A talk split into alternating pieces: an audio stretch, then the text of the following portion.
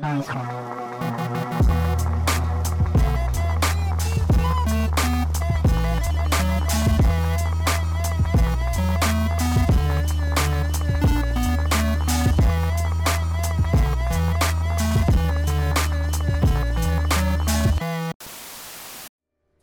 jadi uh, buat episode ke-30 NWFM kali ini kita kedatangan Greybox. Tapi hari ini kita nggak seramai biasanya apa namanya uh, yang nge-hostnya.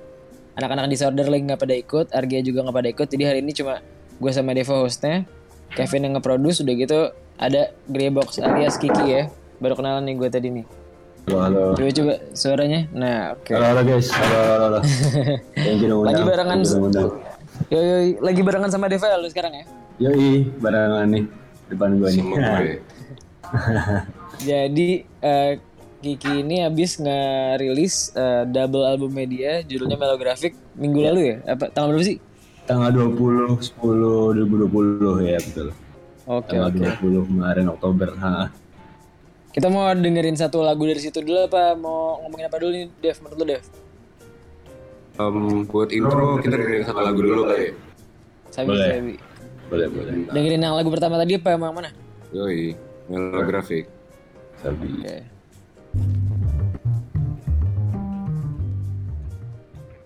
Oke oke. Eh, Di lagu pertama melographic di double albumnya eh, Grey Box. Nah sekarang ngobrolin ini dulu kali ya. Gue nanya awal producing gimana Ki? Boleh, boleh.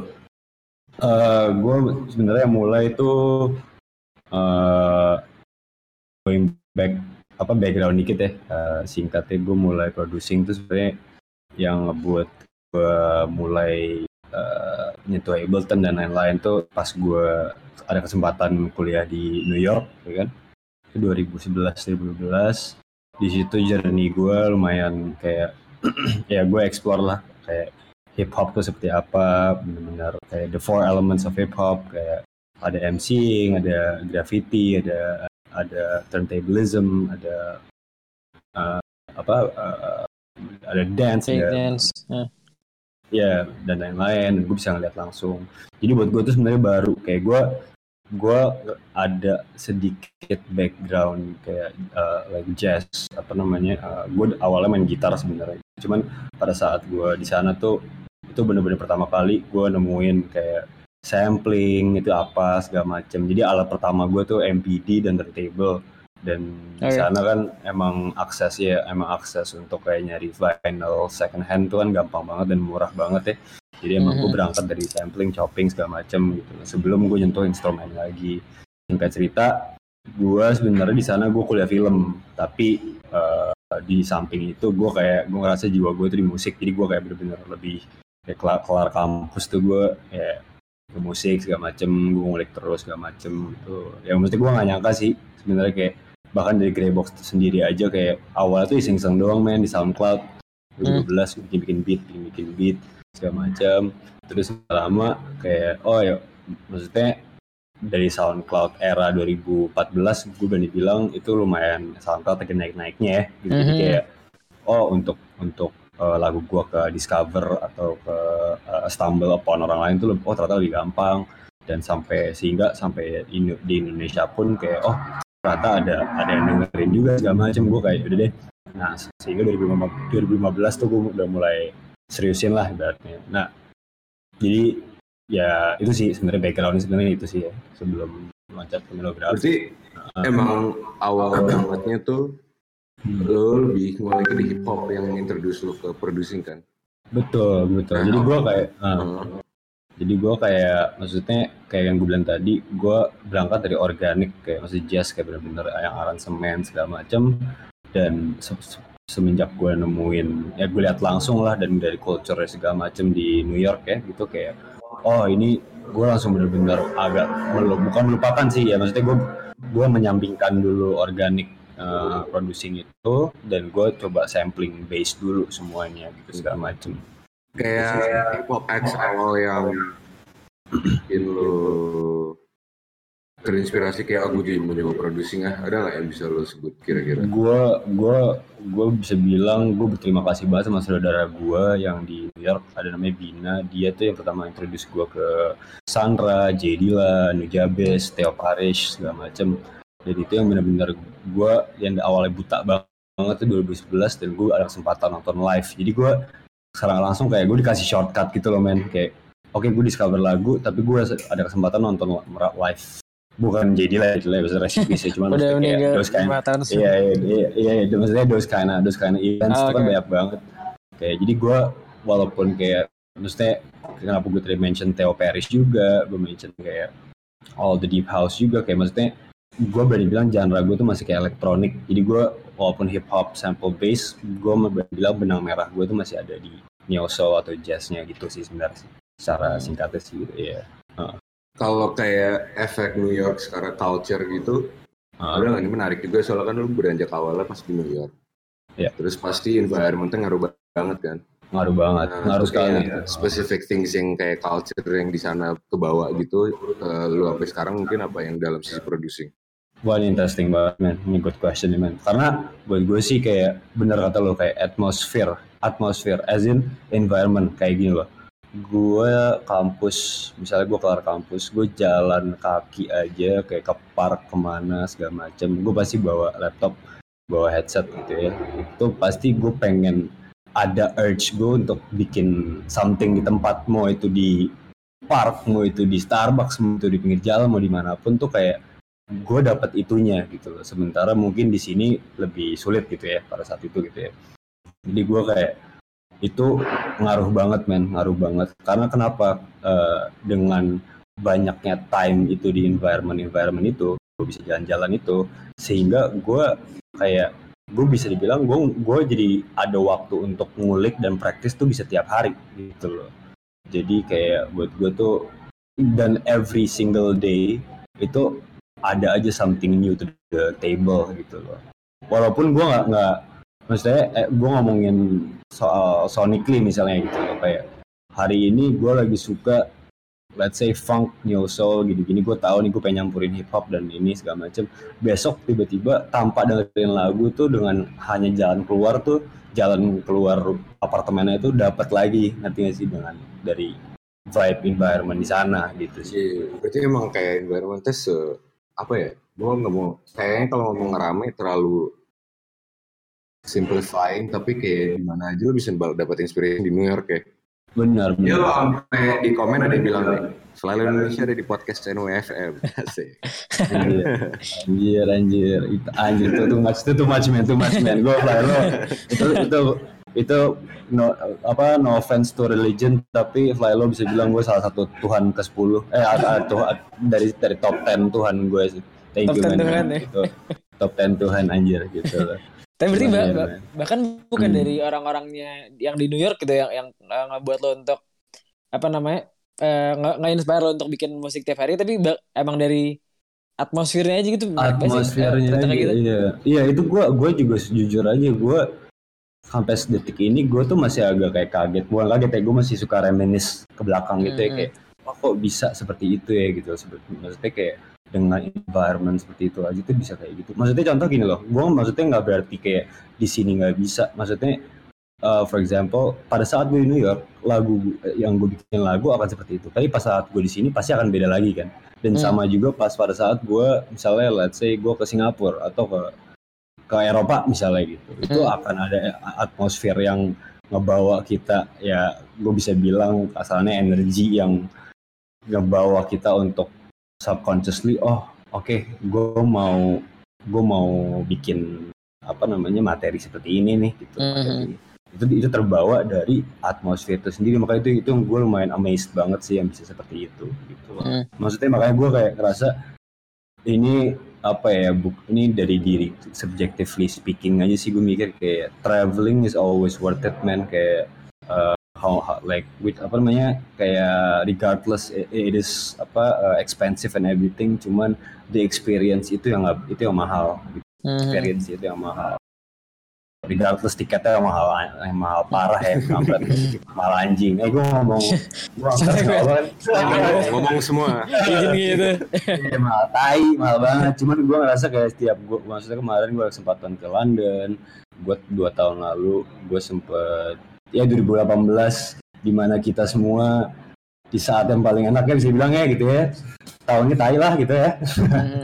terus yang bilang gitu maksudnya gue sempat ke Korea segala macam. Itu gue selalu kalau misalnya keluar walaupun uh, uh, tu- tugas gue misalnya gue ada gig di sana atau apa gue pasti mencoba gimana caranya coba bikin lagu. Tapi bikin lagunya itu gue mengikut al- meng- apa arus dari environment kota atau region atau negara itu sendiri gitu loh. Mhm. jadi gue gak paksakan gitu bro. Iya men. Oke nah berarti kalau kan udah with that in mind gitu kalau kita transisi ke melographic hmm. itu tuh bisa lu ceritain nggak kayak inspiration awal? Apalagi kayak pengen tahu kan eh, lu nulisnya berarti melographic udah di Indonesia ya?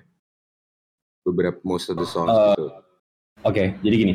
Nah sebenarnya oke jadi melographic itu sebenarnya gue ngerasa makanya gue kenapa ini ada kaitannya kenapa gue end up bikin double album ya. Eh, jadi ini Bernie bilang emang the first album and the last. Maksudnya tapi the last album tuh nggak berarti gue oke gue nggak ngeluarin album lagi nih. Enggak maksudnya akan lagi cuman not for a while gitu. Maksudnya gimana? Maksudnya gini melographic itu dari 20 lagu itu itu kumpulan ada beberapa lagu yang gua da- ar- archive dari gua tahun 2013, 2016 itu journey sebenarnya. Melograph itu sebenarnya kalau lu dengerin dari awal sampai habis itu gue bikinnya emang agak kayak semi mixtape album gitu. Jadi nyambung dia sebenarnya. Jadi ada story-nya gitu. nah itu dari, yang pertama sampai yang akhir itu kalau lagu-lagu pertama tuh itu gue bikin dari yang awal-awal sampai yang tengah. Tapi semua di remaster ya.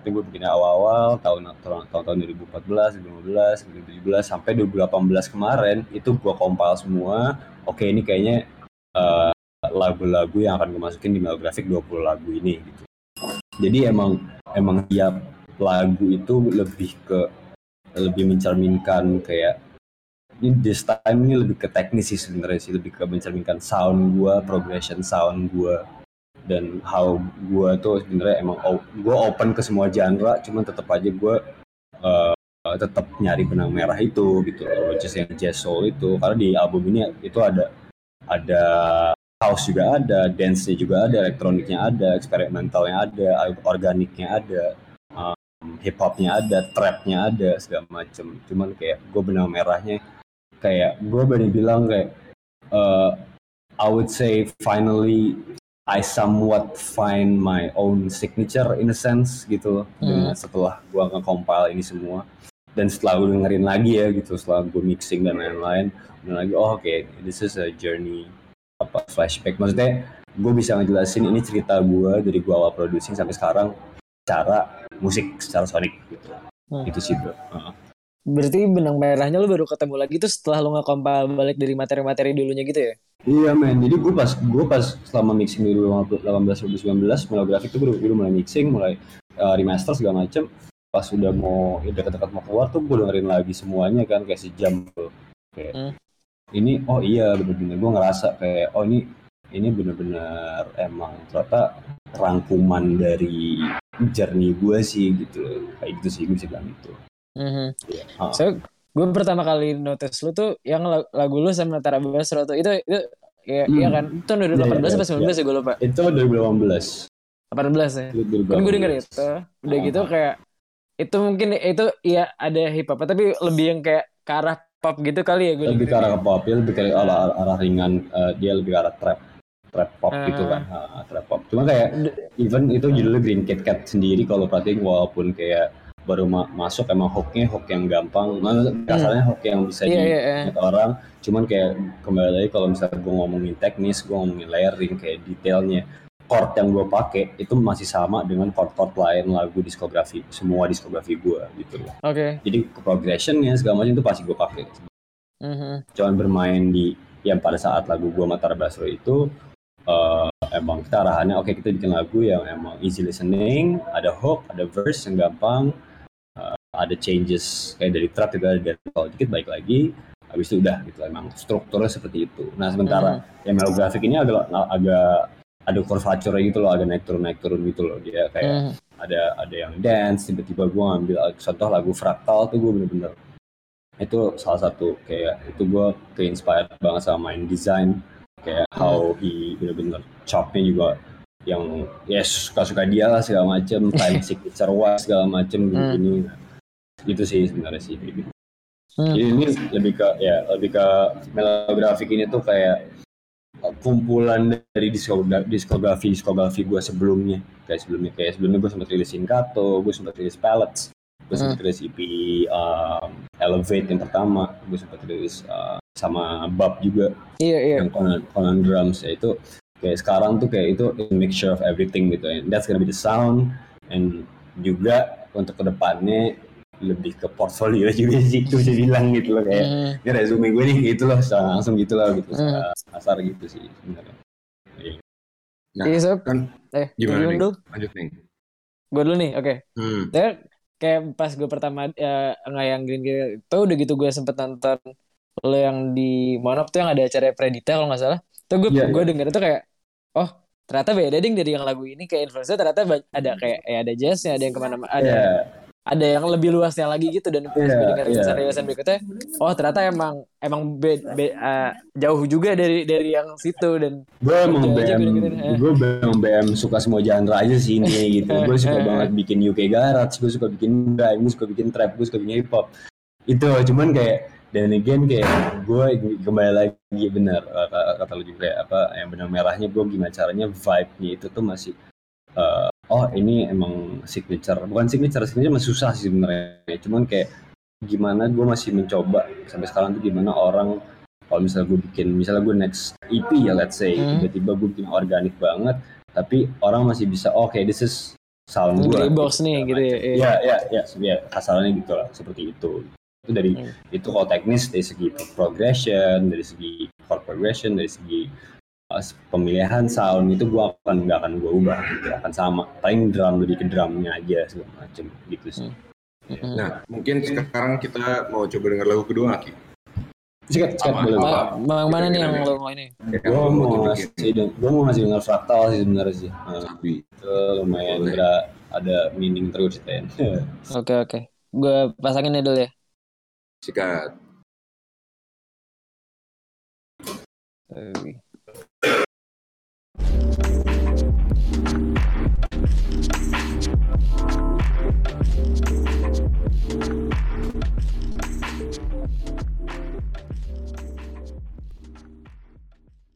Oke, selingan dulu buat yang lagi dengerin sekarang nih dan mungkin kalau kalian suka sama episode-episode kita dari kemarin, ada beberapa pesan nih buat kalian. Gimana Gi?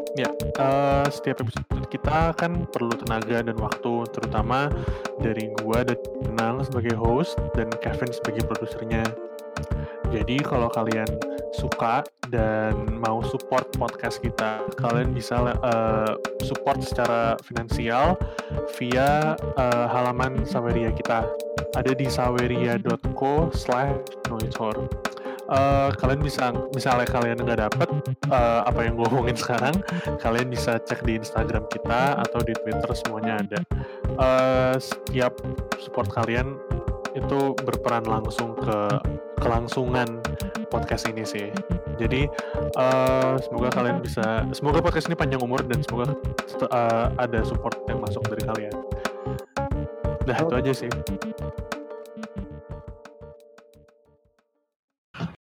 Gimana gimana, tadi Gimana Ki, ceritanya ceritanya?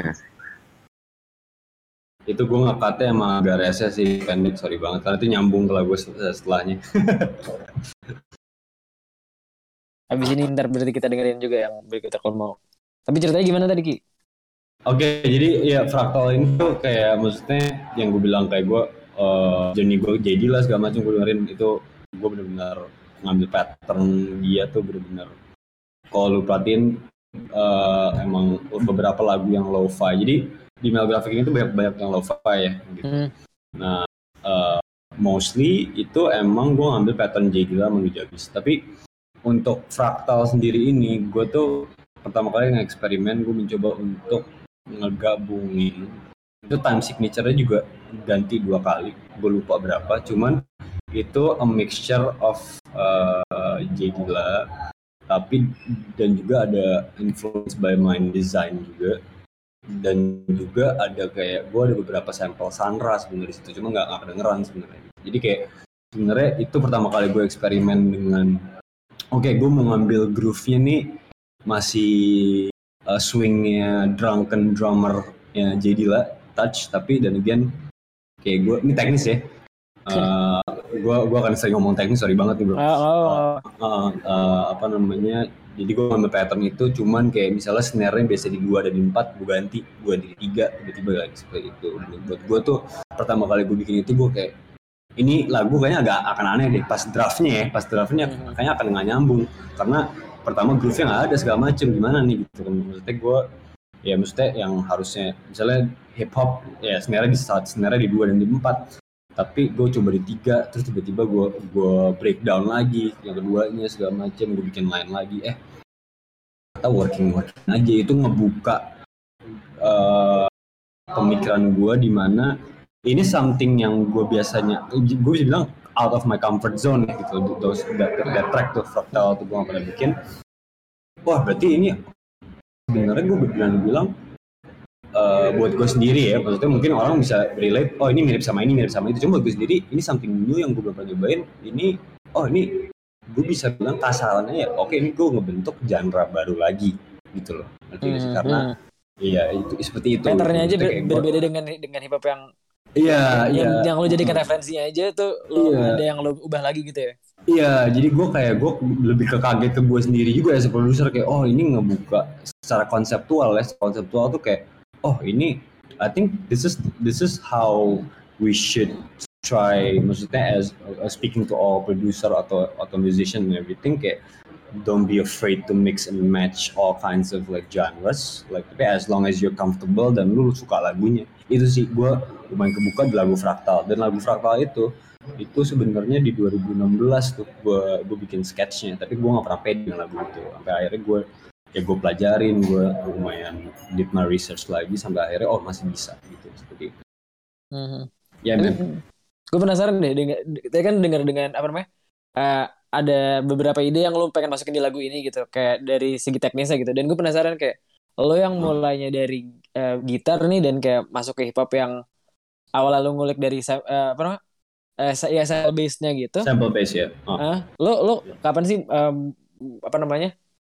Oke eh, jadi sadar uh, bahwa sorry, eh, sadar Ah. bahwa approach lo tuh eh, jadi kuat di teknisnya gitu bukan kayak ya kalau sama bass kan biasanya ya udah mengikuti dengan apa yang lo punya aja. Kalau ini kan lo try to build eh, of something from scratch aja gitu. Jadi ini bro gue dulu anak imo bro. Gue awalnya anak nih. Imo gue SMP Kita semua anak imo gue gue nggak kita semua kita semua. Semua. Ngelewatin nama masa itu. Gue main Uh-huh. metal gue main emo segala macem screamo segala macem. Nah itu gue main gitar. Tapi gue main gitar sebenarnya gue di kelas 2 SD gue main klasikal. Gue Oke. nggak suka gue bandel gue malah cabut-cabut emo main lagu emo tapi nggak tapi merugikan ya kan? Maksudnya merugikan maksudnya nggak pernah duit nggak pernah ada ya kan? Malah yang ada defisit defisit mulu ya kan gitu. Eh, tapi setelah itu gue sebelum gue ke New York berarti gue 2011 tuh berangkat kan. Gue angkatan 93 gue 2011 gue jalan. Nah itu tuh gue maksudnya gue masih di musik cuman gue masih bingung tuh main karena sebelum gue ke New York itu gue sempat main eh, sama temen gue si si Jan. Itu gue sempet band reguler. Nah itu pertama kali gue awal-awal suka suka jazz juga sih sebenarnya gitu loh. Gue Hmm. gue mulai gue mulai dengerin kayak Coltrane dikit-dikit Miles Davis kayak bokap gue lumayan dengerin. Dia dia ngoleksi juga kan gitu dia bukan musician cuman dia kayak banyak collection kayak Chet Baker segala macem gitu-gitu. Hmm. gue kayak yang awalnya dari emo loncat ke situ emang agak susah sih. Cuman kayak gue dengerin kayak oh ini gue dengerin layeringnya aja segala macem pelan-pelan. Nah, itu juga kebantu karena gue sempat main regular kan. Hmm. terus nggak lama itu gue main bass tuh. Nah makanya pas gue loncat pas gue ke New York gue dengerin J Gila segala macem itu gue baru tahu itu 2010 2011 itu buat gue tuh kaget banget. Oh ada ya ada nih hal maksudnya lu bisa ya ngecop drum dari dari dari vi- vinyl bahkan ada ya maksudnya pada saat itu ya gitu Hmm. kayak gue gue gue realize ada ya vinyl yang cuman eh, apa namanya kalau nggak salah namanya drum library volume 1 sampai volume 12 kalau pada tahu tuh kayak ya, yang isi cuma drum doang, drum breaks doang, gitu-gitu segala macam. Emang yang Buat vinyl, ya. Hmm. vinyl, iya vinyl ya emang untuk disampel. Oh ada ya seperti ini, gitu, segala Hmm. macam. Gue kayak itu ngebuka banget dan gue mikir, oke gue di gitar gue sempet gue lumayan stuck dan gue belum nemuin sound lagi dan gue keterusan di sampling sehingga ya udah itu itu yang gue lakukan tuh yang gue bilang tadi gue ada Newmark TT USB sama MPD doang sama Ableton gue masih pakai Ableton 8 pada saat itu itu gue nge- ngechop drum segala macam masukin ke MPD lama lama gila ya kan? Gue coba hatu-hatu segala macam gini gini gini gini gini kayak wah ini bisa jadi lagu bisa jadi lagu. Abis itu gue belajar mixingnya gue belajar masteringnya sampai sehingga ada orang yang feedback ke gue kayak bro lu ngetek ini di mana bro? Lu ngetek ini bro ini sampling. Dan gue kaget kayak ini bisa ternyata. Ngeri sih gue kayak Eh, wah iya gue wah ini. Tapi dan again yang gue pengen ngom- kembali lagi tadi si uh, apa Deva juga mention kayak apa apa apa bedanya kayak di, kenapa di New York gue dapat efek banget environment environmental kayak sampai lagu gue kayak gitu. Itu gue pengen nge-clarify lagi ya. Maksudnya gue di Indonesia pun tuh maksudnya bisa juga gitu loh. Dalam artian kayak gue misalnya bikin lagu di sini tiba-tiba gue pengen bikin lagu lo-fi tapi yang gue sebut ke Deva tadi sebelum ini eh, misalnya ada elemen elemen Jawa atau apa yang itu pasti ada yang pengen gue masukin tapi pada mungkin pas pada saat gue di Europe atau di mana gue gak kepikiran itu kan Hmm. gue malah nyari nyari culture mereka gitu loh Iya, iya. seperti itu Ha, kayak misalnya gue ngomongin sedikit sorry ya kayak eh, Inkato Inkato itu eh, album EP gue yang sebelumnya Yang ada Sebelum Teddy Aditya itu ya? Yes, Teddy. Hmm. Inkato itu artinya groove. Itu berasal dari eh, bahasa Zulu tribe di South Africa ya. Itu eh, artinya groove eh, dan dia tuh 3 per 4 sebenarnya time signature-nya. Dan gue ngambil ngam, gue ngambil apa namanya elemen itu tuh gue sempat konsul juga sama temen gue yang pernah sempat ke Afrika juga. Oh seperti ini ya, gue riset segala macem. Gue bikin tuh. Jadi sebenarnya orang bisa masih bisa- masih bisa bilang kayak oh lagu lagu masih lagu lu Ki. Tapi kalau misalnya gue buka lagi, kalau gue jelaskan lagi project file atau misalnya gue misalnya gue kasih tahu lagi layernya itu kalau perhatiin drumnya itu semuanya sama sebenarnya. Ding tak ding ding tak ding ding ada Hmm. itunya tiga per empat itu kan gue Hmm. ngambil itunya itu karena udah karena ya pada saat itu gue dapat environment yang seperti itu gitu itu sih Mhm. di situ sih. Nah, ini evident banget kalau misalnya eh, inspiration yang lu dapet gitu nggak Hmm. cuman sekedar inspiration kecil tapi lu kulik dalam gitu kan. Iya. Nah, gue gue tertarik sama proses gimana awal lu bisa contohnya kayak Inkato gitu. Kan ada risetnya tuh. Ya. Dari titik lu mengetahui tertarik sampai bisa lu implementasi ke musik lu sendiri itu gimana? eh sebenarnya pas Inkato tuh it- oke Inkato itu juga gue berani bilang per- pertama kali juga ini ada pertama every EP tuh gue ngerasa tuh gue selalu pengen mencoba something yang gue belum pernah cobain gitu ya. jadi kalau pada saat Inkato tuh gue pertama kali gue nge-take semuanya uh, live gitu jadi tiga Inkato itu tuh live semua gitu loh kayak dari segi percussion segala macem gitu dan itu juga buat gue kayak apa ya kayak prosesnya lumayan gila sih kayak apalagi lagu yang pertama lagu yang singlenya Sanity itu itu gua eh gua ada line gua ada melody line gitu Eh, pertama pakai klarinet segala macam terus temen gua drummer gua Uel dia bantu ngisi. Terus gue bilang ke dia bro lu nih patokannya yang gue bilang tadi gue kasih gue jelasin ini dari Zulu nih kayak gini reference seperti ini. Gue kasih mic ini drum simple banget cuman hi hat snare snare piccolo lagi kick pendek eh, tom sama right aja gue kasih dua mic udah lo ikutin aja lu main asal aja cuman itu snare tuh bener-bener gue tambahin gue taro apa ya gue taruh panci lah di atas yang kecil gue pengen cari sound-sound yang lain gitu loh ya kan kayak Hmm. gitu biar bunyinya beda untuk nebelin sound yang elektronik yang udah gue pasang MIDI gitu gue coba nih ini berhasil ya ini bisa nggak nih ini ini ini ini, ini eh, maksudnya secara aransemen, secara komposisi apakah ribet banget, apakah gimana, apakah masih bisa masih bisa di apa namanya ditelan oleh ya maksudnya konsumer segala macem.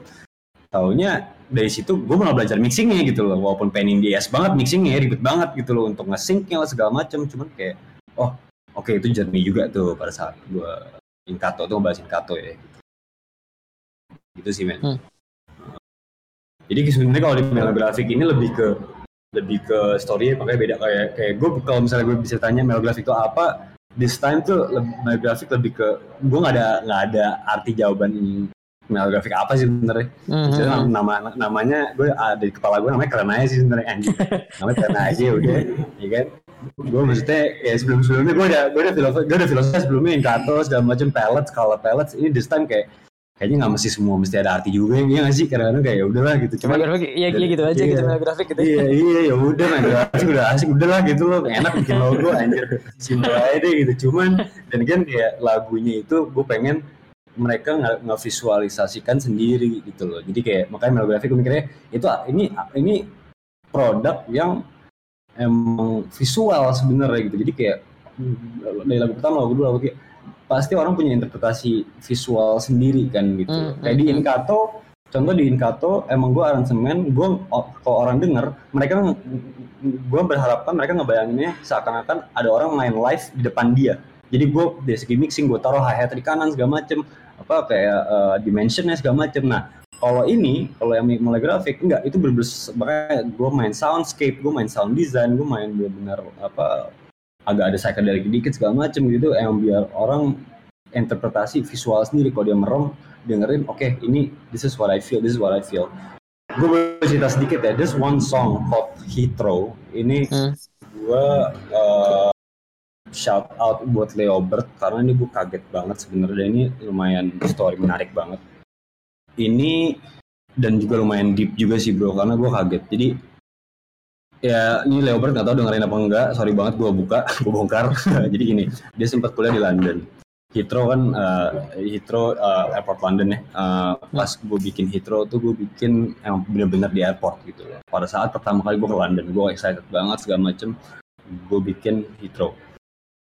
Nggak lama setelah itu itu gue bikin 2017 kalau nggak salah 2018 Leo Bird temen gue ini dia nelfon gue Ki thank you banget. Lu udah nyelamatin gue hah? Nyelamatin apaan? Dengan lagu Hitro. Maksud lu apaan bro? Gitu loh. Jangan aneh-aneh deh. Gue bilang gitu kan gitu. Lo habis ngapain? Gue bilang gitu kan. Enggak men. Enggak men. Ini orangnya pinter banget. Maksudnya maksudnya bukan orang pinter. Maksudnya dia emang eh, emang, emang akademis banget segala macem gini gini tapi tiba-tiba dia ngerasa dia dia sempat to a point yang darkest point dia di mana like he almost like he wanna end. Ya ah, I don't wanna say end life but like he he almost gave up from life gitu. Hmm. terus dia bilang "Do- pas gua, pas lu rilis Hitro itu gue dengerin itu ngerubah perception gue secara visual dan imajinasi gue segala macem. Kalau ini uplifting dan ini victorious banget. Gue no gue pas denger itu main jujur aja gue sampai gue speechless. Kayak anjing ini dengan materi yang gue bikin di airport eh, di earphone Apple doang bisa ngeresonate ke someone yang sampai segitunya ngerti Hmm. gitu loh yang sampai ngerasa maksudnya dia sampai bilang lah menyelamatkan gue dari apa eh, darkest hole gue sampai gue bisa bring up gue bisa apa namanya termotivasikan lagi gitu dengan mendengarkan lagu aja gitu loh buat Hmm. gue tuh kayak makanya lagu yang ketiga itu lagu taruh lagu ketiga itu gue dedicate buat Leo Bird ya. Lagu kedua judul- judulnya Blue Dream. Eh, kalau lo tau Blue Dream itu lo boleh- bisa google sendiri dan itu self explanatory kenapa Blue Dream judulnya sebenarnya? Itu ya ntar itu google aja deh itu kalian di rumah. Hmm. langsung langsung ngerti kok itu artinya apa Gak enak gue ngomong di sini. Pokoknya gitu itu Blue juga lumayan berarti banget karena itu juga apa namanya eh, salah satu eh, jump start gue bisa join label pertama gue namanya Mellow Orange. Itu based di San Francisco. Itu mereka discover gue dari lagu itu. Dan gue sempet gue look up banget di produser-produser yang sekarang ya. Salah satu produser kalau kalian tahu namanya Freddy, Freddy Joachim dia pernah kerja sama sama Joey Badass dan J. Cole. Jadi gue udah look up banget sama mereka. Tuh sampai di satu saat dia nge-text gue lewat lewat SoundCloud DM gitu. Kayak dia bilang are you affiliated in any label? Gue langsung diem. Gue langsung kayak what the fuck man? Ini bener gak sih? Walaupun dia maksudnya ini label kecil cuman gimana ya gue ngerasa kayak kalau lo look up to somebody yang bener-bener sound wise dan lo fan fanboying lah and then labelnya approach lo tuh buat gue tuh kayak gue nggak bangga banggain Mel Orange walaupun orang nggak tahu Mel Orange apaan sih apaan sih bodo Eh. amat maksudnya, maksudnya buat gue tuh something banget gitu ngerti Iya, sih? iya. makanya itu itu gue taruh gue taruh di lagu itu lagu lagu kedua itu props to Mel Orange banget apa props to Mel Orange ya gitu jadi emang makanya itu emang semua cerita itu tuh ada ada tahunnya sendiri sendiri ada setiap lagu itu ada jadi kayak kembali lagi melografik gak ada artinya ya kan tapi setiap lagunya itu Masing-masingnya ya. ada Eh. masing-masing yes masing-masing itu lebih ke personal itu itu sih journey gue Ya, abis ini gue gue pengen pengen dengerin Hitro juga sih pengen gue pasang tapi sebelumnya gue penasaran deh selain yang uh, Mel Orange itu lo berarti pas lo masih di New York waktu itu tuh selain uh, label dari SF itu lo apakah ngebuat musik bareng kolektif-kolektif di sana atau kayak musician musician musician dan producer di sana juga atau gimana? Gue di sana oh ya gue jadi semenjak gue yang jadi yang gue tadi turn around gue tuh sebenarnya mau Mela Orange. Mela Orange tuh yang ngeboost gue kalau lu tahu ada salah satu roster Mela Orange dia rosternya Rush Music juga namanya Chloe Martini dia part juga. Jadi Oh, buat oke. gue yang gue yang bener-bener baru gue kagetnya minta ampun bener-bener kayak yang gue bilang tadi gue ke kampus gue buka email gitu gue berhenti di jalan orang pada nabrak gue gitu ya kan? Gue kayak bodo amat gue baca dulu. Gue bener-bener gue taruh HP gue jalan mundar mandir bro. Bener-bener kayak ini bener gak sih? Ini bener gak sih? Gue sampai kayak akhirnya gue buka segala macem kayak oke eh kita kita uruskan segala macam gue gua gua chat sama dia sama eh, Yusai orang Jepang dia ENR-nya eh, base di SF akhirnya gue di apa maksudnya eh, be a part of the roster segala macam dia support gue banget. Tapi gue suka sama Lawrence adalah gini dia tuh sebenarnya nggak mau dibilang labels man. Dia bisa di- dia dia bilangnya dia bilangnya lebih ke family eh, kolektif bisa bilang tapi Hmm. ke family base. Kenapa? Karena gue ngerasa gini kenapa itu gue gue ngerasa itu family karena eh, si Yusai aja sendiri dia tuh walaupun gue Mel Orange dia bilang kayak kita tuh kecil label kecil kita maksudnya belum bisa provide yang oke lu gig di mana segala macem. Cuman kita bisa kayak macem eh, ya rilisan atau kayak physical release kita masih bisa segala macem. Meski dari itu aja nggak apa-apa. Gue santai banget gitu loh. Gue udah part sama Freddy Joachim ini. Gue pikir kayak gue gue udah bisa kolaborasi sama dia nih gitu kan. Hmm.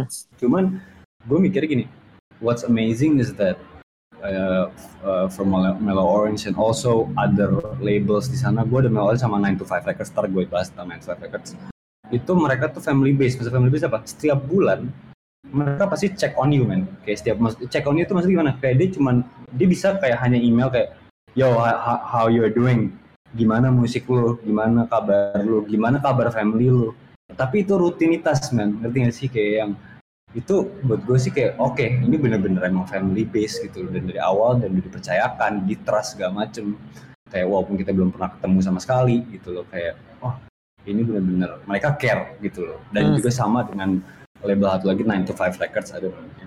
Salah satunya kalau nggak salah Clean Beats itu lebih ini ini beat eh, SoundCloud producer sih banyak kan sih dari Hmm. 2015 15 gitu. Itu sih lebih di situ sih. Jadi ya di sana gue kesempatan gue kolaborasi sebenarnya lumayan eh, banyak gitu. Tapi banyak nggak keluar juga banyak.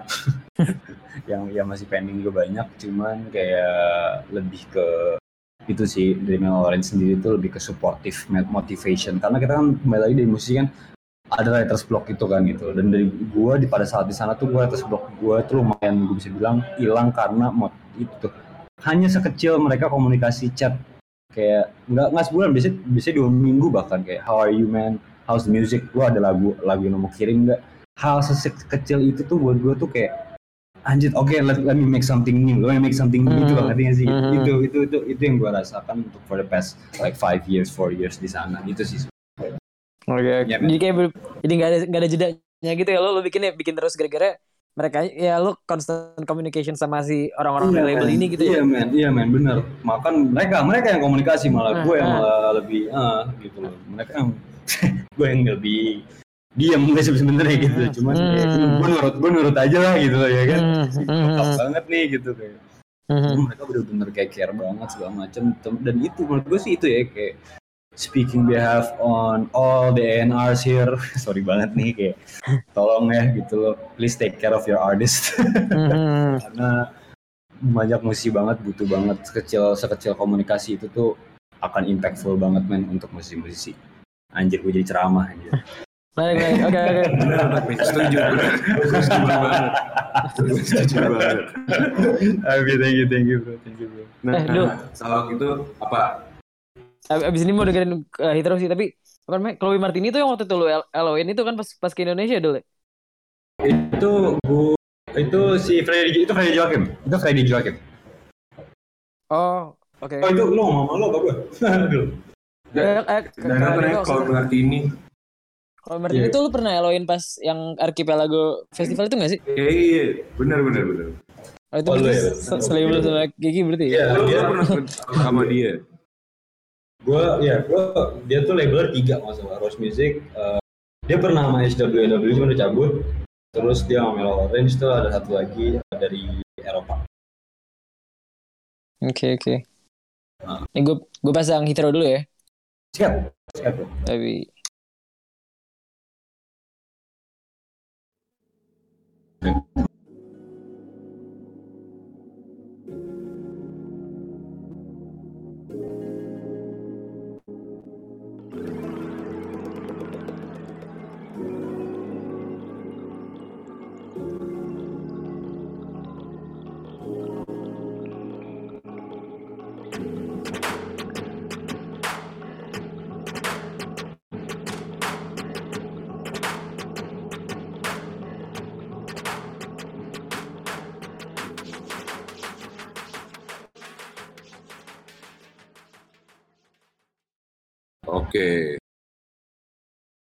Tadi Heathrow ya.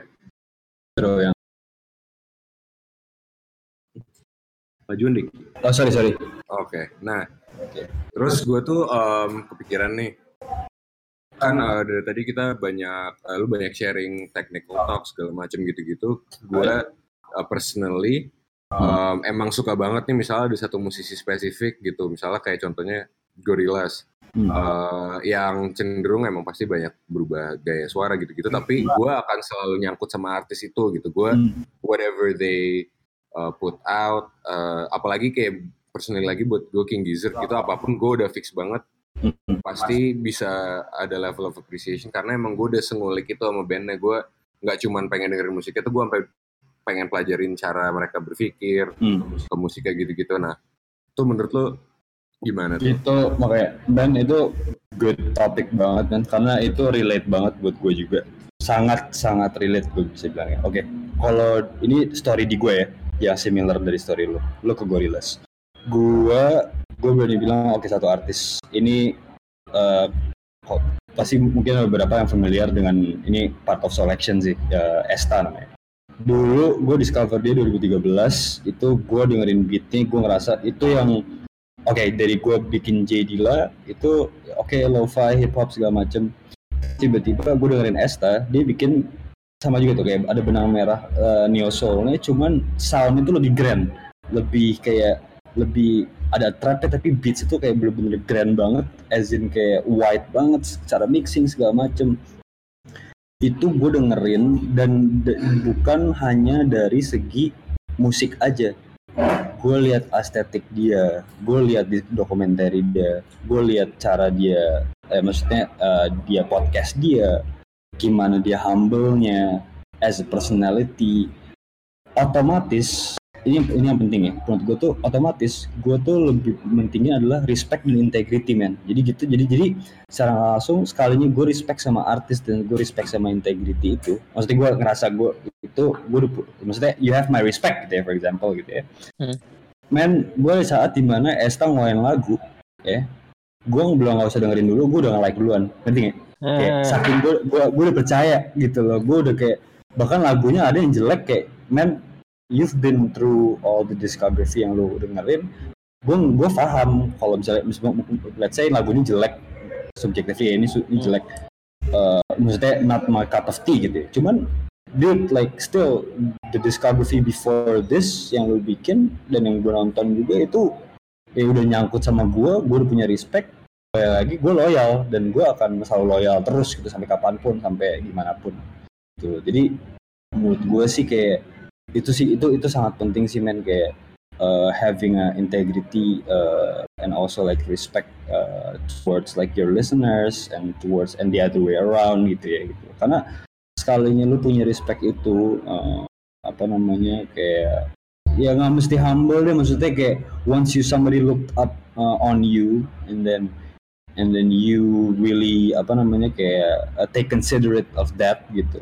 Kayak menurut gue sih itu bisa bilang loyal listeners tuh nggak akan ke mana-mana men gitu. Akan selalu regardless lu ngeluarin lagu seperti apa pun regardless lu tiba-tiba ada ada project lain ada project duo regardless lu gitu tetap aja gitu. For example uh, uh, siapa dulu uh, main, main Damian Albert lo sampai kapan pun gue jujur aja nih subjektif gue nih ya kayak album terakhir dia gue gak begitu suka. Tapi tetap aja Hmm. kayak gue tetap appreciate banget gue dengerin dengerin album gitu lah. Artinya sih kayak Mhm. respect banget gitu bener-bener udah udah lock. Ya berarti udah lock lah gitu.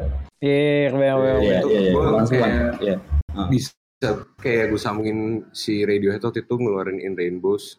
Yes. Terus uh, you, itu kayak you pay as much as you like atau apa gitu. Dan orang karena udah ada form of respect itu towards the band ya tetap nutup gitu ibaratnya duitnya Iya. padahal mereka ngasih kebebasan ke penonton kan gitu. yes yes betul Iya. betul, Itu betul. yang King of Limbs itu dulu, yang itu tuh albumnya. Apa In Rainbow juga? ya? yang mana pun lah Iya, tapi gue inget tuh pernah, pernah kayak gitu. ada yang kayak gitu ba- nah, dan Bahkan lu dapat dapat album fisikal gitu. Gokil sih, berani Hmm. berani banget anjir. dan, dan itu uh, nyambung ke sama pembahasan Greybox si musisinya pun pasti akan ngerasa appreciation-nya nggak sih iya betul Iya. betul betul. Ya. Itu yang mereka ya. Dan itu penting sih menurut gue respect tuh di Iya respect tuh. maksudnya kayak lu nggak lu nggak mesti try too hard to get those respect. Itu akan datang sendiri. Maksudnya kayak as long as your music is honest ya kan itu paling penting. Cheesy-nya gue bisa bilang kalau bikin musiknya tetap pakai hati ya sih? Iya benar. Enggak itu nggak cheesy man menurut gue bro. Benar bro. Itu benar bro.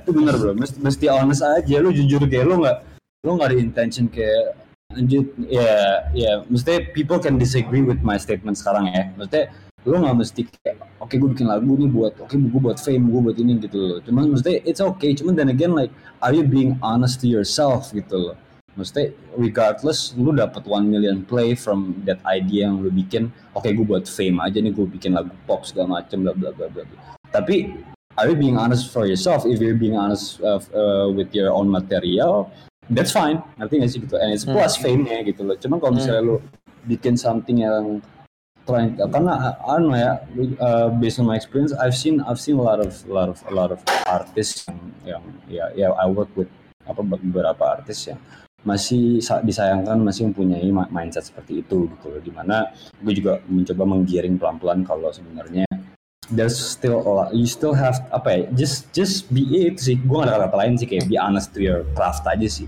Be Mhm. honest to your craft aja sih. Itu sih kata-kata gue sih sebenarnya. Mhm. dengerin tuh warga. Nah ada pertanyaan nih ternyata dari tadi Oh sorry gue gak liat, gue baru baru baru mulai Discord, sorry banget nih, gaptek gue. Bacain dulu coba dulu. satu dulu nih eh, cara bang ini mungkin tadi udah dibahas sedikit tapi dia nanya cara bang Greybox nerapin inspirasi inspirasi non musiknya ke lagu-lagu yang dibikin itu gimana Ini dari ini gue bisa lihat, eh sorry banget gue bisa lihat juga nggak men. di bisa. Q&A podcast rasanya. di di atas tulisan podcast ya Di re- request yes ya.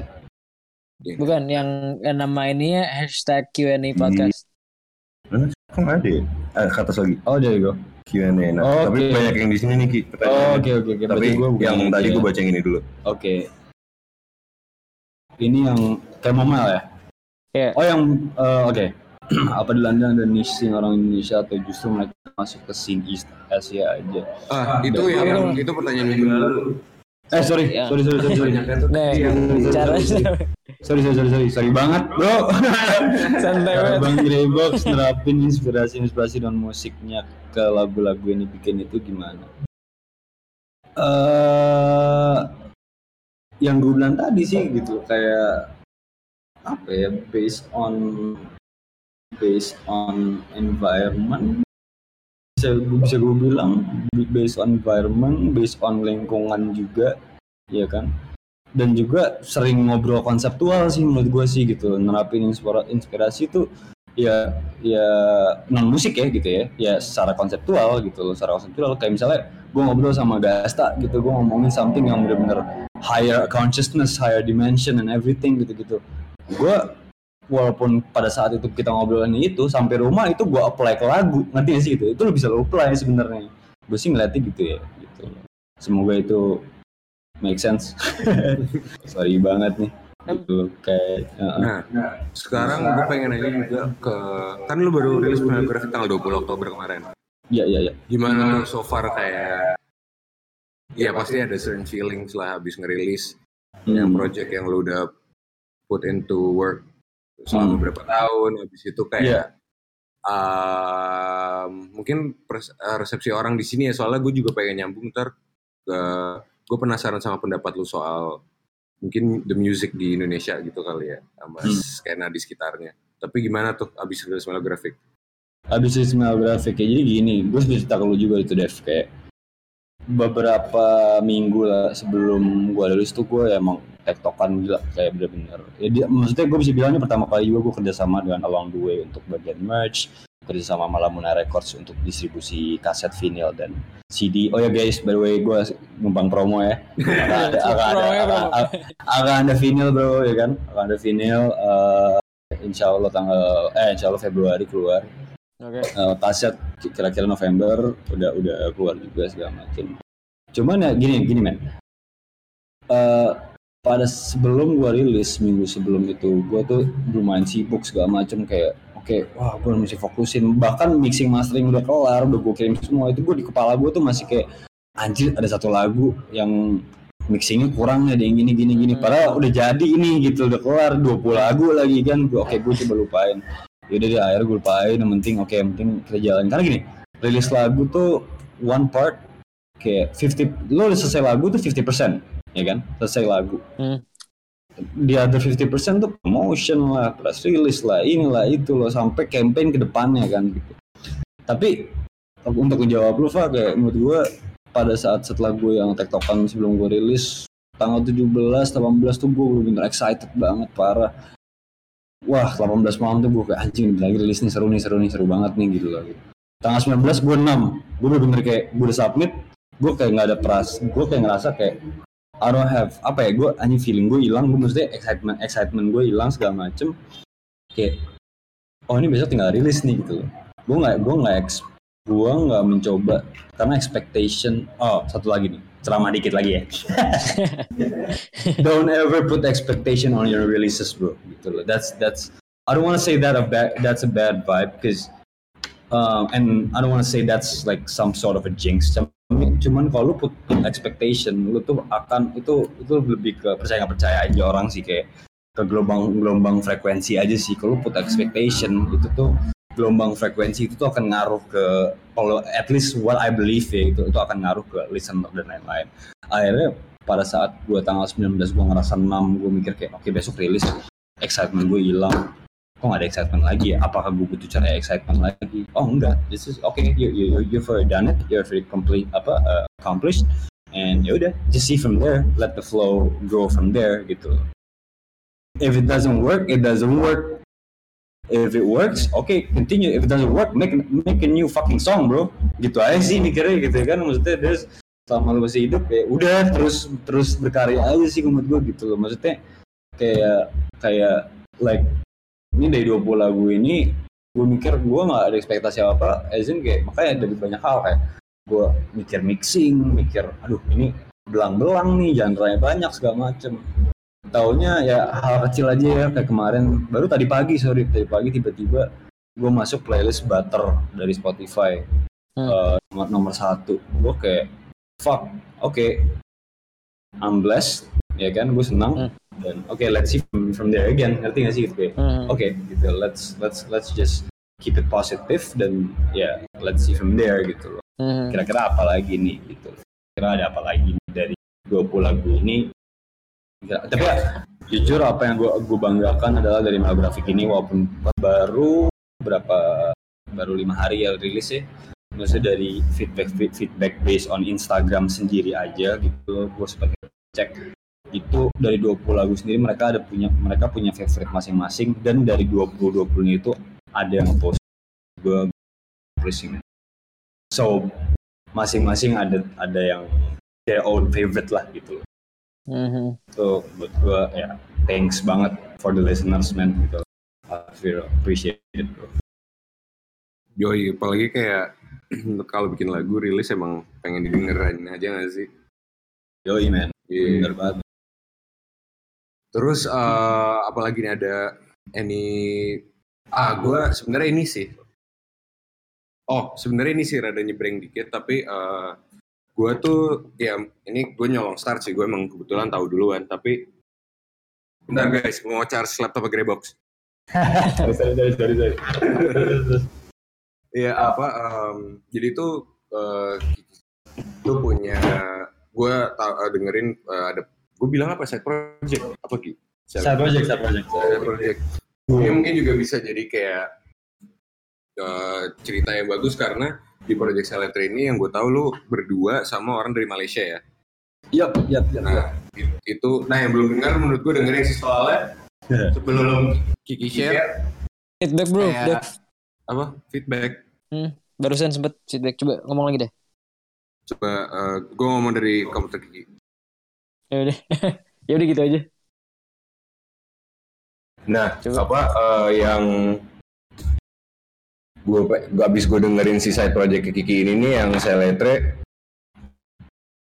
musik sini yang dari sini tuh kayak banyak banget orang nyari keluar gitu. Padahal tuh di, di- dari kita dari Indo sendiri tuh banyak banget yang aduh nyampe juga gitu loh Nyet. Nah, gue tuh pengen nanya lebih ke Seletre karena eh, ini side projectnya Kiki yang menurut gue very sabi aja sih Ki gitu. Iya, Nah, bisa sih. di-share. Ah.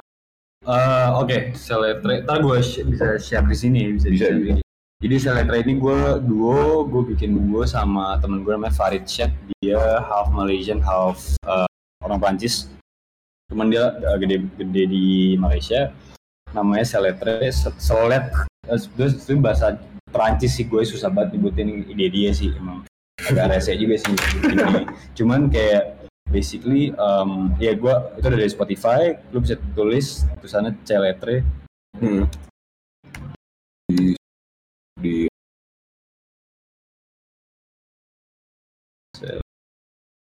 Oke Oh, gue itu- dapet gue dapet. oke celetre. Itu. Itu project duo pertama kali gue juga salah satu oh ya gokil. Ada tampilannya. Sorry gue uh, katro Eh, jadi apa namanya ya itu pertama kali gue bikin juga sama Farid ini eh, itu project organik. Kita ngerjain empat lagu ini dalam waktu minggu ya karena kita udah punya materi juga. Itu kalau deng- mau denger itu kalau boleh lu denger dari intro sampai habis ntar di rumah kalian. Dan itu menurut gue salah satu pertama kali gue gue bikin yang organik as in oke kita rekaman full uh, sebelum inkato bahkan. Full nggak ada pakai uh, VST nggak ada pakai pokoknya semuanya miking semuanya synth analog semuanya ini. Ini pertama kali gue bikin. Dan ini project karena gue main klarinet juga dan dia main flute uh, flute dan tenor. Gue main klarinet uh, uh, uh, alto dan trumpet. Nah ini emang kita di depannya di situ. Kita maksudnya gue berdua frontman-nya sebagai uh, woodwind-nya itu berdua. Dan apa namanya uh, dan dia juga produser juga. Kenapa bisa seminggu kekejar? Karena dia produser juga gitu. Dia bikin beats juga segala macem. Cuman this time kita ada garis uh, yang samanya adalah dia juga dengerin jazz juga. Bapaknya dia juga drummer segala macam jadi kayak drum dia ngisi bass bassline gue ngisi saling saling saling melengkapi lah. Dan dia juga bisa mixing juga. Jadi kita lumayan cepat juga tuh gitu. Lumayan craft gua pertama kali juga ini teknis juga yang pertama kali gue bikin time signature super aneh. Kayak gua saat ada itu di lagu commemorate kalau dengar itu ada tiga time signature 3 per 4, 4 per 4, sama 7 per 13 5 per 4, 4 per 4, 7 per 13 di Tuh, catet tuh.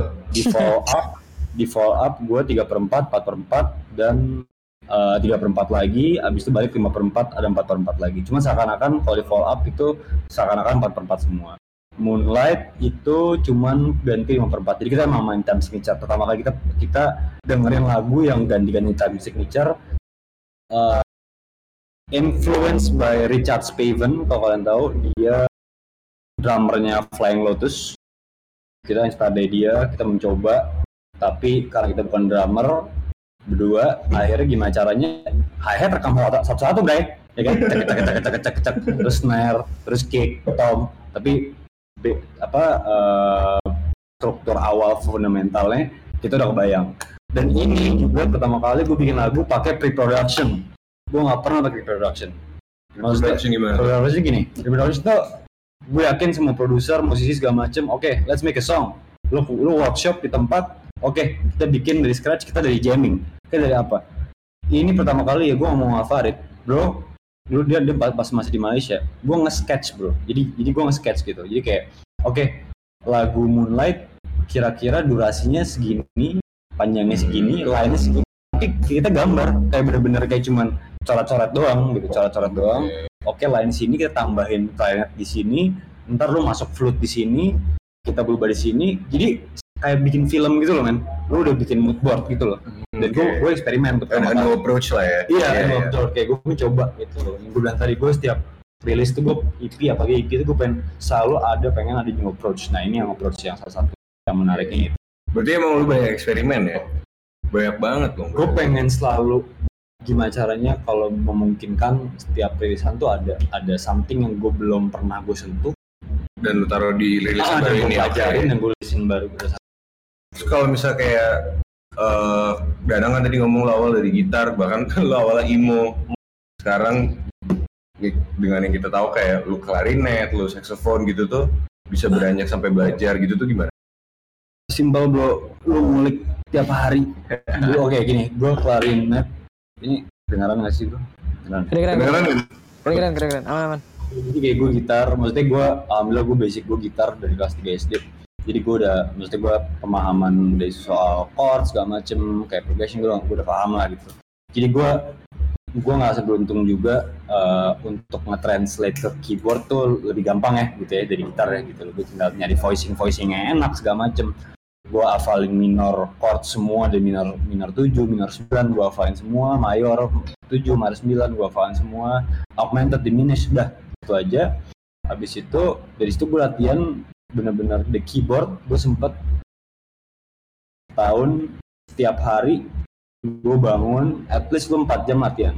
Gitu, 4 jam latihan 4 jam latihan 4 jam latihan. Klarinet gue baru ngangkat awal tahun. Treatmentnya sama. Kenapa? Awal tahun ini. awal tahun ini klarinet dan saxophone. Kalau gue gue gue awal klarinet dulu karena teman gue bilang latihan saxophone dari dulu gue udah ada imajinasi gue main saxophone. Tapi teman gue bilang lu klarinet aja dulu kenapa? Karena klarinet itu kan main embouchure embouchure tuh kayak cara lo ngebentuk eh, bibir lo tuh bener-bener nah, cara niupnya pas dan pernafasan segala macem. Klarinet tuh lebih berat daripada saxophone. Jadi kalau lo bisa klarinet lo ke saxophone tuh gampang banget. Sama aja kayak lo bisa main classical gitar. Lo ke electric gitar mungkin lebih gampang. Mungkin Iya, analogi iya, yang iya. analogi yang dekat ya gitu loh. jadi intinya sih latihan aja sih men. Kayak gue 4 jam tuh udah cukup lama. Gue punya temen Kenny kalau tau Kenny Gabriel uh, dia lebih gila lagi men. Dia multi talent dia multi talented regardless he play EDM bla bla bla. Cuman dia main semua alat musik. Dan gue nanya juga sama lu gimana bro bisa main trompet? Bisa sampai lick solo tuh dapat semua kunci rapi banget gue latihan sehari 8 jam ki gue bilang gue kapan tidurnya lu bre gitu kan gitu. jadi kayak emang ngulik sih men practice lu mesti practice practice every day mixing mastering producing aransemen editing ya kan instrumen semuanya men itu practice lu mesti terus emang emang Key lah ya itu sebenarnya. sih. ya, Tapi gue paham juga itu and at the same time pasti ada titik writer's block, titik lu titik lu mager. Dan if kalau lu ngerasain itu, nah ceramah lagi, ceramah lagi. kalau ngerasain itu bro, kalau misalnya lu ada writer's block nggak apa-apa, take your time. Kalau nih yang jujur gue, pas gue ke London, gue ke London Februari kemarin, sampai gue balik Agu- September Agustus itu gue sengaja gue matiin gue disconnected bentar disconnected dari eh, apa namanya sosial media segala macem dari HP kecuali ngabain saudara apa eh, keluarga gue dan cewek gue ya gitu loh mau gue gue Kewajiban. kelar kelar gue ya kan? Nah itu gue bener-bener ngulik, gue ngulik, gue ngulik apa? Gue gue nonton dokumentari, gue belajar Hmm. mixing lagi, mastering, dokumentari, YouTube segala macam. YouTube, YouTube men, YouTube, aja deh, YouTube, YouTube. YouTube aja. Emang emang sebenarnya Ah, reference tuh seperti itu ya. Iya, reference iya, itu reference kayak maksudnya itu. lu ada pasti titik di mana nggak usah writer's block deh. Pasti ada titik di mana lu denger lagu aja bosen men. Lu denger lagu tuh bisa iritasi kuping lu saking lu keseringan. Take a break jangan dengerin lagu dulu. Lu cari yang lain. Lu lu apa kayak ngelukis kayak apa kayak hilangin dulu tuh. Percaya sama gue pas lu balik lagi itu fresh banget men. Bakal Iya. ide lu banyak banget. Tapi sampai titik di mana lu udah mulai bosan lagi udah jangan dipaksain. Udah. Take your time uh, find other things to do gitu.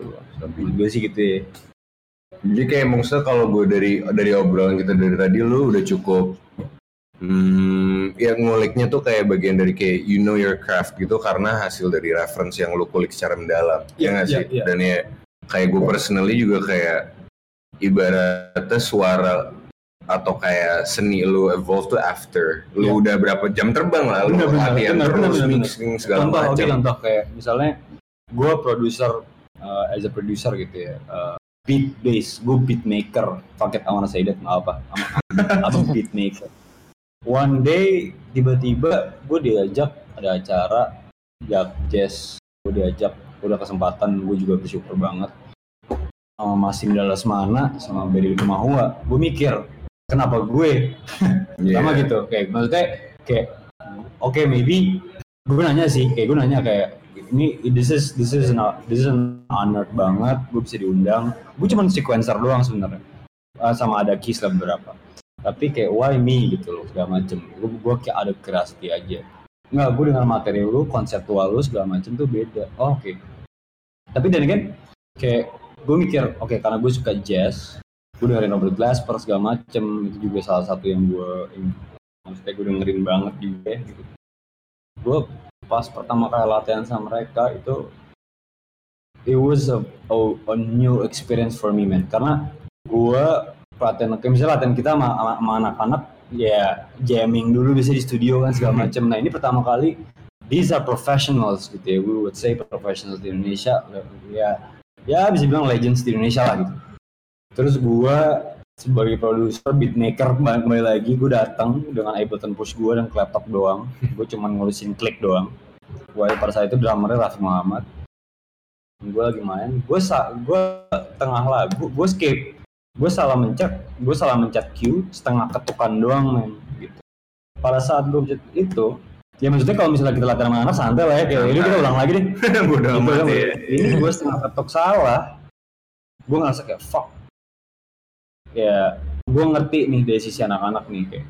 Semua, gue gue ngerasa anak-anak pada ngeliat gue, especially eh, Mas Berry ngeliat gue juga kayak bener-bener kayak agak disappointed dan gue ngerasa banget itu disappointednya itu pada saat gue latihan.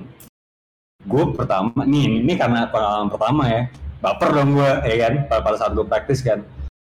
Praktis tuh dua jam tuh pas gue kelar gue masih minta maaf gitu kayak Mas Berry sorry banget deh itu mereka lupa bro. Apaan sih santai kali. Kayak dia udah kayak langsung tiba langsung bercanda. Kayak eh lu saudara ini ya lu ngobrol ini.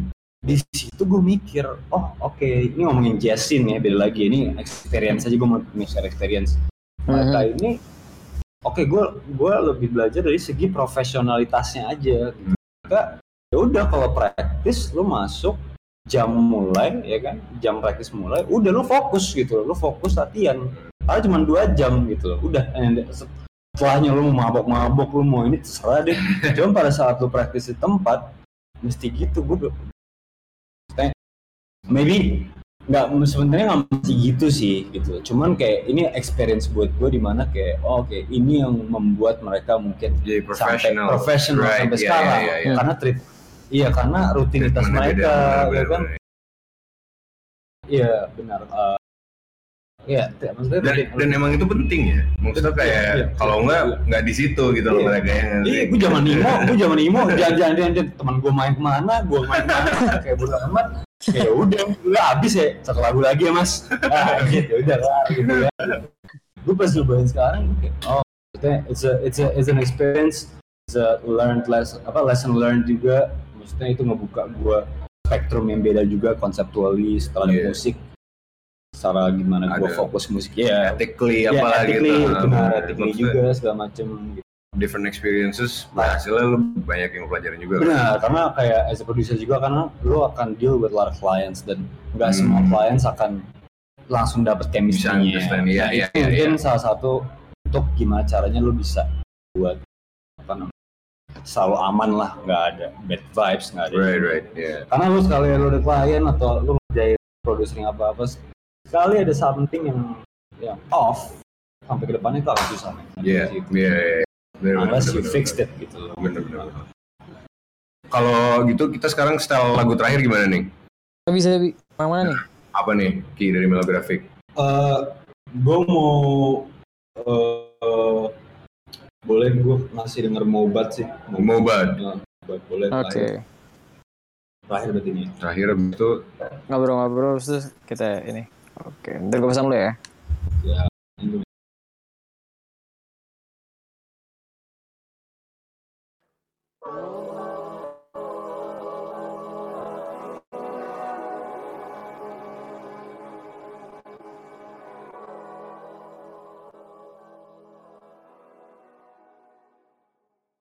Oke, selingan dulu buat yang lagi dengerin sekarang nih dan mungkin kalau kalian suka sama episode-episode kita dari kemarin, ada beberapa pesan nih buat kalian. Gimana Gi?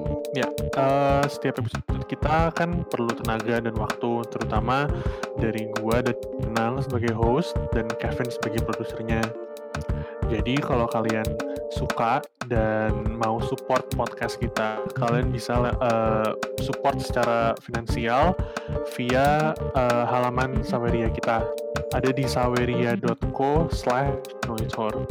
Eh, kalian bisa misalnya kalian nggak dapet eh, apa yang gue omongin sekarang kalian bisa cek di Instagram kita atau di Twitter semuanya ada Eh, setiap support kalian itu berperan langsung ke kelangsungan podcast ini sih jadi eh, semoga kalian bisa semoga podcast ini panjang umur dan semoga eh, ada support yang masuk dari kalian Nah itu aja sih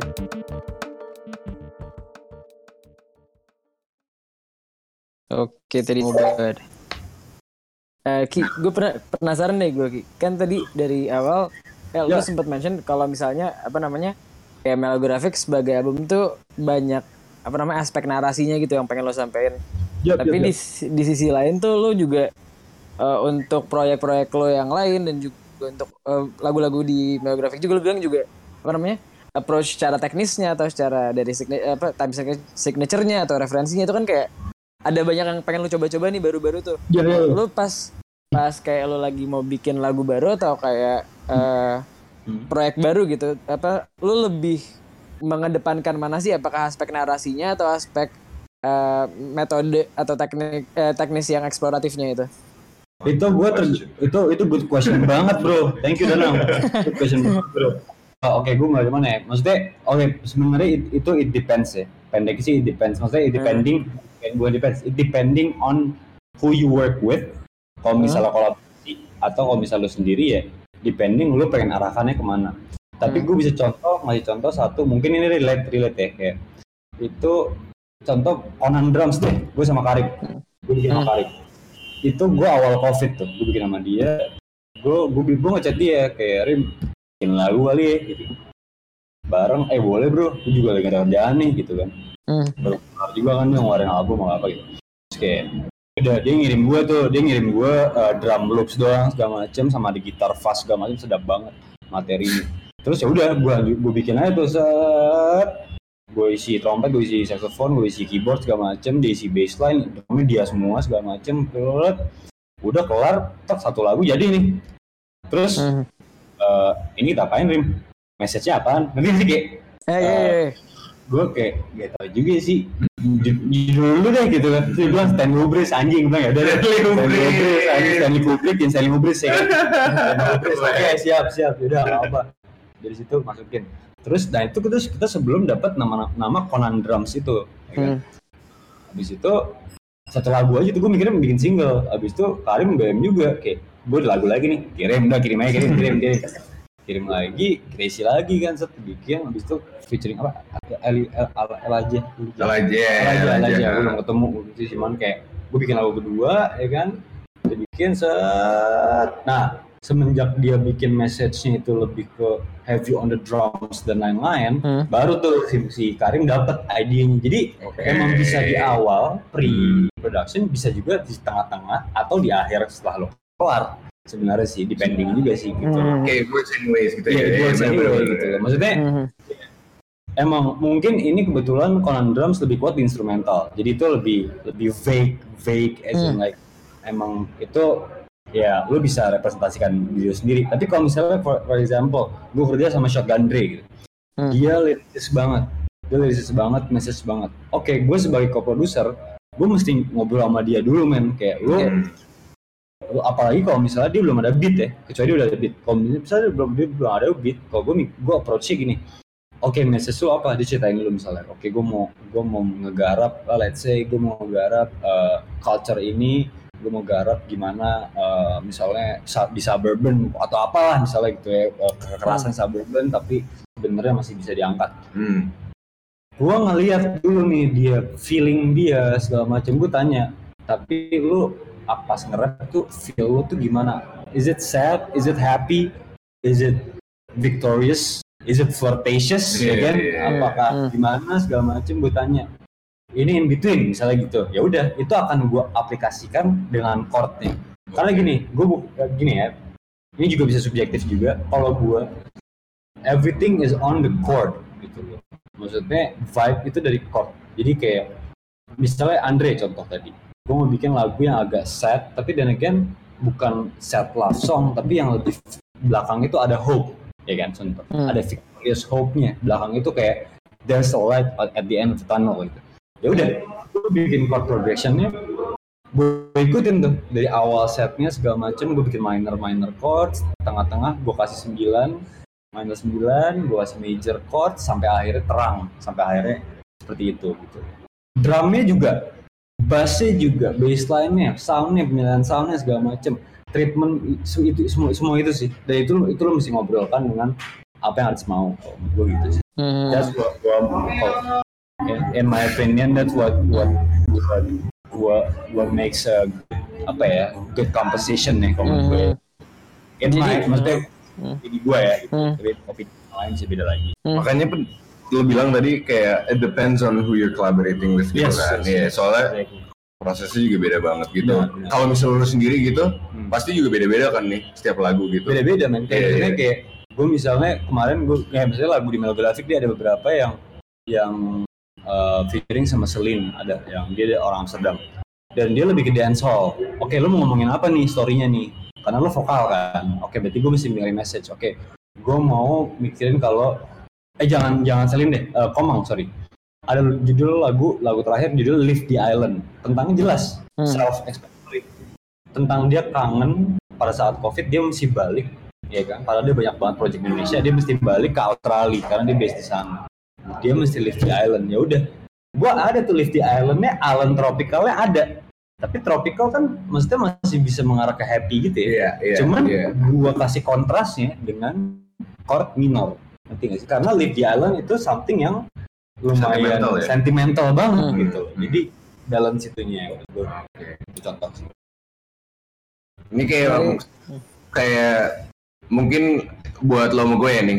Hmm. Kayak kalau Kiki bisa ud- keren itu menurut gue ngeliatnya kayak udah nih lo dengerin cerita orang Hmm. terus ya udah oh oke cerita lo kayak gini these are the chords these are, Hmm, gitu kan kayak mhm. akhirnya harus gimana gitu lo bisa langsung kebayang gitu yoi gue mau kasih contoh kayak kemarin gue sama Deva iseng bikin lagu DIY depan pakai JBL kecil bunyi sembar banget ya kan iseng aja Gua, kita gabut berdua ya kan udah kita bikin gue ngomong ke Deva juga kayak Wah enggak sebenarnya se- secara gue ngomong ke Deva gue yakin dia juga uh, realize kayak gue dia udah nge-share materi dia dan gue udah nge-share materi gue Hmm. subconsciously subconsciously ya ta- ta- tanpa verbal Deva udah tahu sound gue gimana, dia akan menyocokkan gue dan Hmm. gue juga ke Yep. dia, gue akan ngikutin line yang kira-kira benang merahnya sama. Iya. Itu subconsciously itu. Iya, iya. Akhirnya nemu.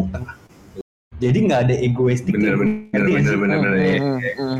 tiba tiba lu tengah ngambil yang lain yang ke sini gua ambil ke sini kayak oh ini beda dari lu emang kinder kan Yoi, Jadi kan kayak yoi. gue juga mikir oke gua ngambil rough bass yang yang jalan terus nih itu gua nggak pernah tuh pakai Iya. beda sih itu udah subconscious yang emang kita mesti kan nama juga kolaborasi kan video ini kan Yoi.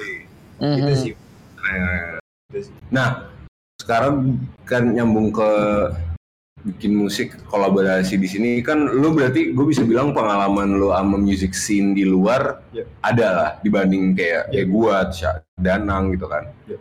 Perbandingan lo sama yang kayak di sini gimana? Sekarang lu basically udah di sini gitu operating. local scene eh, jadi gue sih gue sebenarnya belum ngulik banget cuman yang from my experience eh, di New York itu adalah mereka community-nya saking gedenya per genre ya.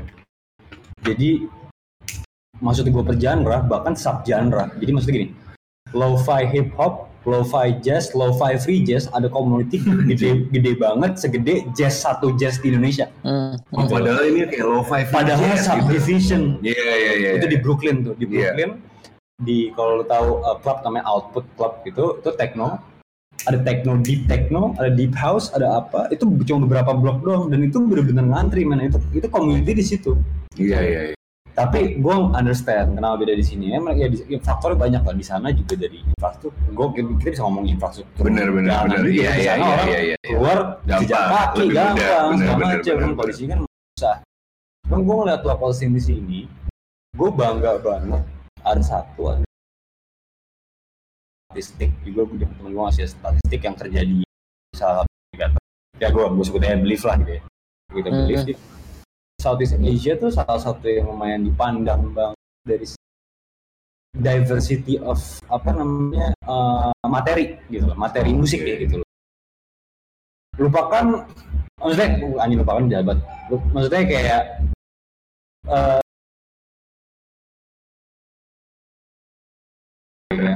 Oke. Dead Rising ngebantu cuman then again maksud gue mereka kan emang lebih ke luar di luar ya gitu cuman gue ngomongin lokal kita nih as a local men kayak gue pas di Korea gue pas di Jepang segala macem kayak gue dari fit banyak banget yang ngomong kayak bro Indonesian have a lot of good crazy artists yang eksperimental Setuju. dari classic rock dari zaman dulu wave old wave segala macem old schoolnya segala macem jadi I think this is the time bro Iya iya. bro kayak maksudnya untuk kita lebih embrace dan kita Setuju lebih banget. Iya. dan lebih ngeluarin sama aja Allah iya. Iya, Soalnya gitu. kayak itu gue gue itu juga lagi ngerasainnya. Kita nggak usah ngeliat jauh-jauh sebenarnya local sounds pun tuh inspirational inspirational udah hancur banget sebenarnya. gini bro Kinder Bloom nih Oke. gue denger lu bisa lu ada uh, insp- inspired from parcels bla bla bla bla gue inspired from jadi lah bla bla bla kita di sini yang gue bilang tadi kita denger kita denger bunyi azan gitu denger bunyi Iya. iya. itu pengaruh dan jadi soundnya walaupun lu ngambil parcels gak bakal mirip gak bakal mirip Iya. sendiri Iya. bakal gua Iya. juga itu sih Bener. Keren deh. Pak, eh asli ada ada benernya banget sih barusan tuh deh anjing. Ada bener banget. Ada bener. Kelihatan niat anjing. Bener bener. bener. Anjek gitu Iya. ngaruh tuh sana nggak langsung di studio ya udah biar oh ah lainnya enak tuh Iya iya iya. Iya. Bisa nih gitu. Iya. Iya, Um, bener sih. Ya men. Gimana sih? Hopefully itu ini ya informatif ya sorry. Hmm. Informatif banget, informatif banget. Ini ada ada pertanyaan lagi nih. gimana ya. Lagu-lagu Hopeless Life masih bisa didengerin di mana ya? Anjir kenapa? Pertama kali partner lu aku respect buat lu sih.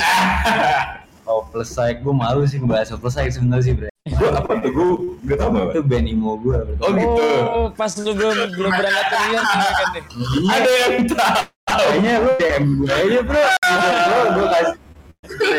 Nggak gini, lagu itu sebenarnya udah lagu itu di MySpace, tapi udah nggak ada. Karena MySpace sekarang juga layernya nggak bisa dimainin. Oke. Sebenarnya di MySpace ada MySpace tuh, di ada. server mereka. Ah, kalau lu buka MySpace ya kalau masih ada sekarang nih, tapi jangan sih harusnya ya tapi kalau buka sekarang nih masih ada situ need manager anjir di tahun 2000. Need manager. 2007 bro. Dalam bro. Cuman itu primo banget, itu bener-bener. Oke, lu karena lu belum ingat Popular Psych nih, Fadnair nih ya. Oke, gue jelasin dikit deh. Gue dulu vokalis, gue dulu nge-scream. Oh, tapi iya. scream gue salah. Sehingga pita suara gue rusak. Gue masuk Ah. rumah sakit. Masuk rumah sakit. Gue dulu sebenarnya vokal, gue pengen vokal gitu. Vokal dan lain-lain gitu. yang yang tadi gue BM sebenarnya banyak banget yang gue pengen. Tapi gue dulu vokal juga. Pita suara gue rusak, gue masuk rumah sakit, dicek, di ronsen segala macem, pita suara pita suara tuh kan kayak segitiga gitu ya. Itu kendor bro. Akhirnya gue nggak bisa ngambil oktav tinggi. Jadi gue nggak bisa. Oh gitu. Iya. Falsetto gue nggak bisa. Setelah itu gue bisa. Oke. Eh, pengalihan gue dan pen, dendam gue akhirnya gue gue taruh di Eh, Twins. Woodwinds, oke. Ah, Di saxo- klarinet, saxophone, klarinet. Iya, iya, iya. gue ya, ya, Ada BM-an yang oke berarti kan lu nih ah, kena musibah lah ya apa uh, berita suara lo ini ah. tapi dari lu sendiri sebenarnya ada nih BM-an BM-an dari sisi ya kan musisi Iya, yes. iya, iya.